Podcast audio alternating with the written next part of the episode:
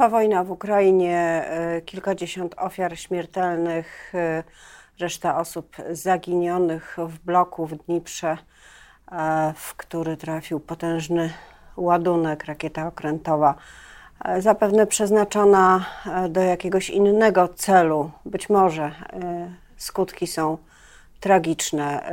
To jest kolejny argument dla Zachodu, by E, zorganizować i przesyłać coraz bardziej skuteczny sprzęt wojskowy Ukrainie, między innymi czołgi Leopard. A w Polsce, w Polsce trwa serial związany z nowelizacją ustawy o Sądzie Najwyższym, a tak naprawdę próbą pozyskania środków z Krajowego Planu Odbudowy przez rząd.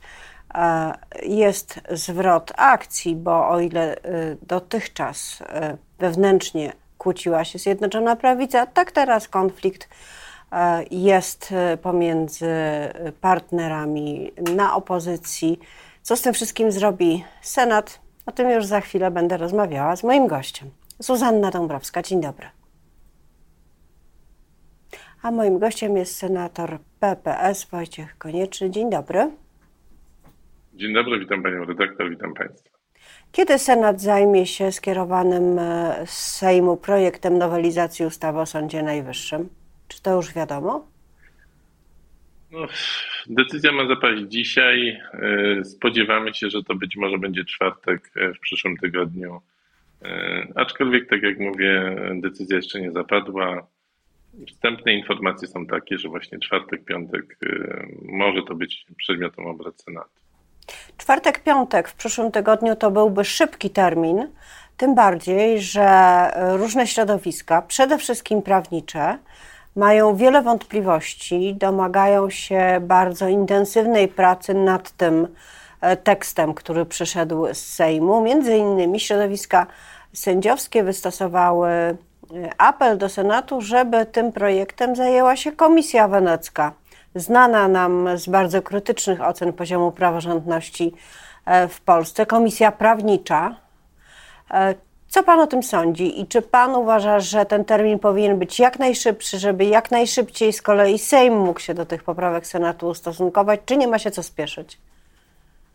Znaczy, Panie redaktor, na, na te pieniądze, bo w sumie o pieniądze chodzi, e, czekamy już właściwie 22 miesiące bodajże, więc jeden tydzień dłużej prac Senatu, to już naprawdę mm, tutaj nie ma znaczenia, więc to, to poganianie jest y, myślę nie na miejscu, ale z drugiej strony ustawa do nas trafiła w kształcie, który był znany już od wielu tygodni, ponieważ y, poprawki Sejmu zostały odrzucone, więc y, wiele środowisk, które chciało ocenić tę ustawę, miało to już okazję, mogło to już zrobić wcześniej. E, więc właściwie ta ustawa jest e, znana nie od tygodnia niecałego, jak e, ile, ile dni minęło od uchwalenia przez Sejm, tylko już dłużej, więc akurat te konsultacje społeczne, to, to jak ocenić tą ustawę, no to już, już wiele osób miało czas, żeby podjąć stosowne decyzje, kroki, rozebrać tą ustawę na, na części pierwsze. Więc e, myślę, że e, to jest szybki termin, ale akceptowalny. No i tyle z mojego komentarza. E, wiadomo mniej więcej. Ale jak pan uważa? Bo, bo, bo jedna rzecz to są te formalne wymogi, to czy były konsultacje, czy można się było zapoznać, a druga rzecz, wiadomo, że to jest taka polityczna logistyka. E, w ramach tej logistyki, jeszcze przed głosowaniami w Sejmie i przed pracą e, w komisji, wyszedł e, na konferencji prasowej Donald Tusk i powiedział: Pomożemy przegłosować tę ustawę, w zasadzie niezależnie od tego, w jakim kształcie, choć lepiej by było, żeby był dobry. Ale jak nie będzie, to ta niedoskonała ustawa, hmm, no cóż, takie było stanowisko Donalda Tuska. Senat ma przed sobą podobny wybór, bo może być drobiazgowy, i odsyłać nawet dwa razy do komisji ten, ten tekst. E, a może też zrobić wszystko jak najszybciej, e, żeby Sejm mógł tę ustawę przyjąć. Która droga jest lepsza, Pana zdaniem? Zawsze lepsza jest droga analizy ustawy, znalezienia w niej błędów, których jest bardzo dużo, przeważnie w ustawach przesuwanych przez Sejm. Często są to zresztą błędy, które są akceptowane przez rządzących w czasie obrad komisji. Rządzący zgadza, zgadzają się z senatorami. Bardzo wiele poprawek senackich przechodzi. Oczywiście nie są to poprawki najistotniejsze, zmieniające sens ustaw. Najczęściej takie są odrzucane, ale są inne poprawki porządkujące, poprawki, które wprowadzają ład prawny i, i takie często są uwzględniane później w Sejmie. Więc ja uważam, że E, moglibyśmy się zajmować tą ustawą normalnie w terminie 8-9 e, lutego, tak jak planowaliśmy posiedzenie. Nic by się złego tutaj nie stało. Ja bym był nawet za tym, aczkolwiek rozumiem, że jest też ta logika polityczna, która mówi, że no, Senat nie powinien opóźniać tych prac. Tak jak mówię, opóźnienie o kilka dni wobec ogromu zaniedbań PiSu i przetrzymywania e, tej ustawy również, ponieważ e, wcześniej odpowiednie poprawki odpowiednią ustawę napisał Senat, no już wiele nie zmieni. E, aczkolwiek jeżeli, jeżeli zaczniemy procedowanie ustawy za tydzień, możemy na przykład posiedzenie przerwać, jeżeli okaże się, że, że potrzeba więcej czasu i, i wrócić do niego w następnym tygodniu. No tutaj sprawy są otwarte. E, być może należy właśnie rozpocząć procedowanie tej ustawy i, i poczekać na to, co się wydarzy podczas prac komisji, podczas e, obrad plenarnych i później e, podjąć decyzję. Co do słów polityków opozycji, to ja myślę, że tutaj zabrakło pewnej konsekwencji przed debatą sejmową. Znaczy myślę, że opozycja powinna mieć jednoznaczne Komu zabrakło? wygłosić wówczas wszystkim politykom opozycji. Po prostu, jeżeli ustawa w obecnym kształcie jest nieakceptowalna przez opozycję, to powinno to zostać wyrażone i, i powinno być to ogłoszone przed e, posiedzeniem Sejmu, że jeżeli ustawa w takim kształcie, w jakim się znalazła w Sejmie, ma być uchwalana, to załóżmy opozycja będzie jej przeciwna. I to by był jasny komunikat, że. Ale to kto zrobił błąd? Panie senatorze, Donald Tusk, Tusk czy cała reszta, która e, nie stanęła od początku razem? Czy e, kto się nie mógł z kim dogadać? No, pani redaktor, widzimy, że e, nie dogadują się mm, politycy mm, na linii właściwie PSL, Platforma Obywatelska i Lewica, który, którzy mają podobne w gruncie rzeczy stanowiska z ugrupowaniem pana Hołowni.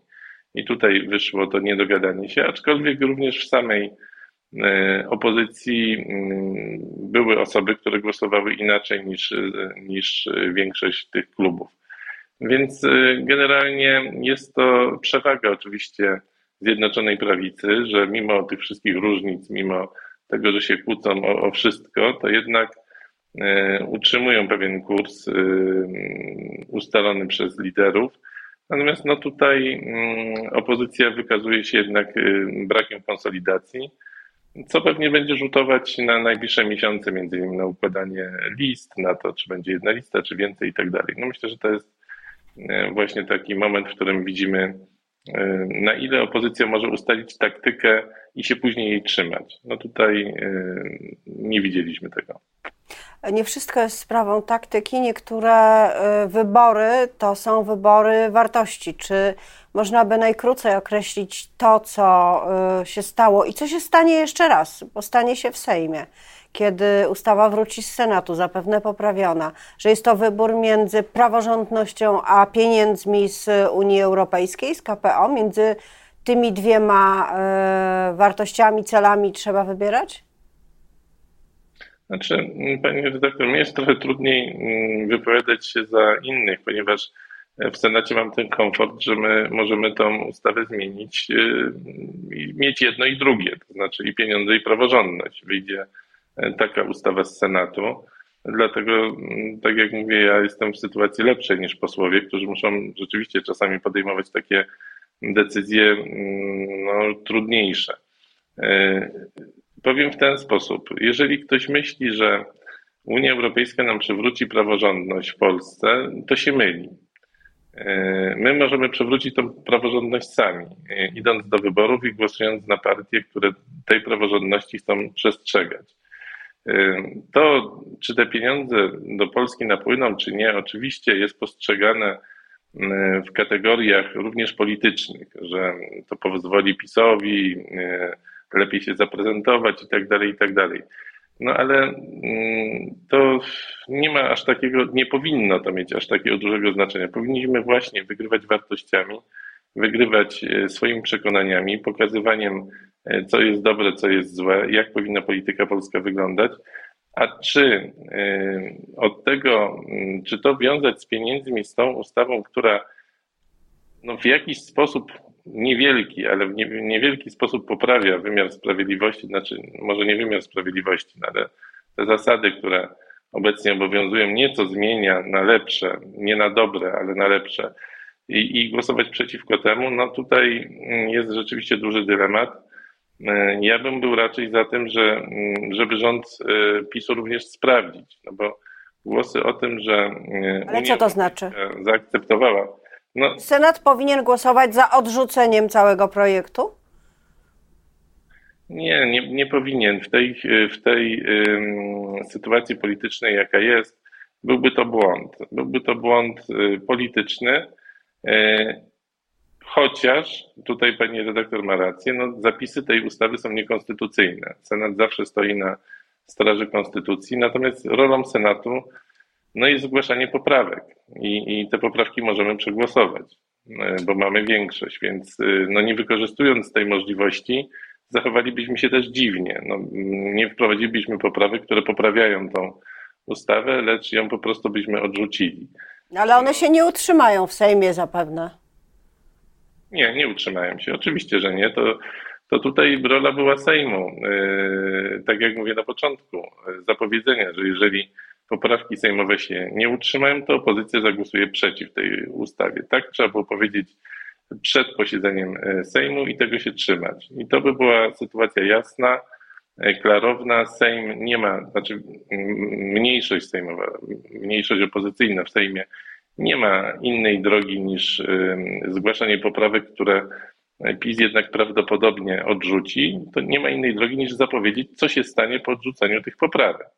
I to powinno paść. Y, to powinno paść przed posiedzeniem Sejmu. Już w trakcie posiedzenia Sejmu, kiedy te poprawki dwa razy były zgłaszane i tak dalej, i tak dalej, no to już było y, za późno, plus ten rozdźwięk w opozycji dopełnił dzieła y, w ten sposób, że, że no nie ma jednego, jednoznacznego jednego stanowiska, no co, co politycznie właśnie Pani redaktor mówi, że taktyka nie jest istotna, no ale jednak na to się trzeba umawiać, aby później te wartości też realizować. No, tym czymś jest właśnie taktyka.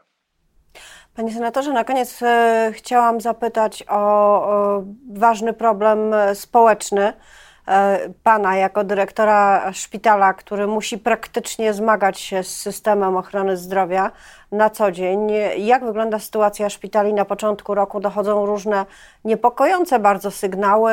W mediach opisano przypadek szpitala w Krakowie, który nie ma zabezpieczonych środków na leczenie chorych onkologicznie e, w E, bardzo zaawansowanych e, stadiach e, na podstawie wycen z zeszłego roku nie są w stanie zaplanować tylu terapii, tylu postępowań, ile się powinno zdarzyć.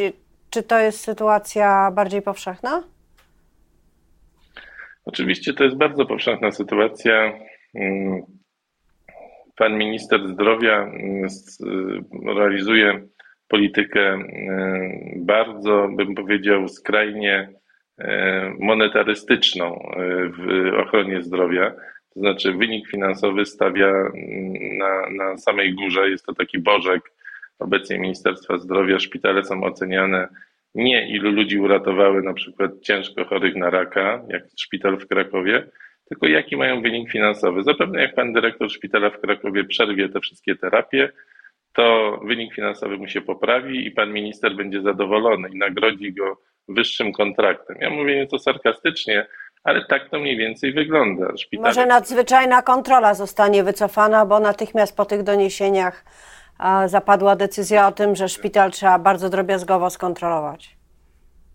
Tak, tak, to, to jest dobra metoda. Na pewno tak jest, że e, tam, gdzie na przykład e, na sorze są długie kolejki, długo się czeka, bo lekarze już nie mają gdzie kłaść pacjentów, bo sytuacja ochrony zdrowia jest bardzo zła, tam najlepiej wysłać kontrolę i to na pewno uzdrowi cały system i, i będzie lepiej. To jest oczywiście metoda zastraszania dyrektorów szpitali i, i, i również właścicieli szpitali, aby no nie zgłaszali tych problemów, które są, nie nagłaśniali, bo przyjdzie kontrola. E, ja tego nie rozumiem. Dla mnie, dla mnie e, reforma ochrony zdrowia, która polega na tym, że e, szpitale, które sobie nie radzą, mają być karane, ponieważ no, za drogo leczą, za dużo leczą, za dużo wydają pieniędzy na, na pacjentów, to one mają być karane. A te szpitale, które mają dobre wyceny, które mm, z jakichś powodów są preferowane przez, przez system, mają dostać e, nagrody w postaci wyższych kontraktów, no to nie jest uzdrawianie systemu. Uzdrawianie systemu to jest naprawa tam, gdzie, e, gdzie jest trudna sytuacja, gdzie ciężko sobie poradzić, gdzie są niskie wyceny, gdzie jest dużo pacjentów, gdzie, gdzie są ludzie rzeczywiście ciężko chorzy, wymagający drogich terapii, to doprowadzić do tego, żeby to działało, a nie dosypywać pieniędzy tam, gdzie i tak jest dość dobrze. Bo są takie miejsca w Polsce i, i tutaj się z panem ministrem zgodzę, że są szpitale, są miejsca świadczenia usług medycznych, y, które są dobrze wycenione, już były dwa lata temu. A kto ma największe kłopoty? Być jeszcze lepiej. Największe kłopoty mają szpitale powiatowe, szpitale pierwszej linii. Y, to zdecydowanie mają bardzo duże kłopoty i te szpitale, które zatrudniają pracowników na umowę o pracę, ponieważ y, zasady, które pan minister wprowadził od 1 lipca spowodowały to, że e, szpitalom podniesiono kontrakty, ale jednocześnie odebrano takie dodatki wyrównawcze dla pracowników. Te dodatki były wypłacane dla osobom, osobom które e, były zatrudnione na etatach, więc e, szpitale czy też NZOZy czy inne przedsiębiorstwa, który, w których nie pracowali ludzie na etatach, zyskały na tym rozwiązaniu. Natomiast szpitale, które zatrudniają według kodeksu pracy, no to straciły. Plus właśnie no, lepiej mają się ci, którzy mają lepiej wycenione świadczenia. To jest arbitralna decyzja Ministerstwa Zdrowia, NFZ-u, poprzez, oczywiście przeprowadzana poprzez agencję, no ale nikt oczywiście nie wierzy w to, że agencja rzetelnie wycenia świadczenia, no bo wówczas nie byłoby zadłużenia szpitali, która narasta, na przykład w ZUS-ie narosło bodajże ponad dwukrotnie zadłużenie szpitali w ciągu roku, więc e, szpitale nie płacą ZUS-u, układają się ratalnie i tak dalej. No, sytuacja jest bardzo zła i ta taka triumfalistyczna propaganda Prawa i Sprawiedliwości, po czym po pandemii, w której zaobserwowaliśmy ponad 100 tysięcy niepotrzebnych zgonów w Polsce, no jest nie na miejscu, no ale taka jest stosowana, e, tak jak mówię, podejście jest bardzo monetarystyczne do, do ochrony zdrowia. Na koniec nie pozostaje mi nic innego niż życzyć sobie, panu senatorowi i wszystkim widzom i słuchaczom bardzo dużo zdrowia w nowym roku. Dziękuję za tę rozmowę. Wzajemnie wszystkiego dobrego, dziękuję bardzo. Moim gościem był senator PPS Wojciech Konieczny. Do zobaczenia. Dziękuję.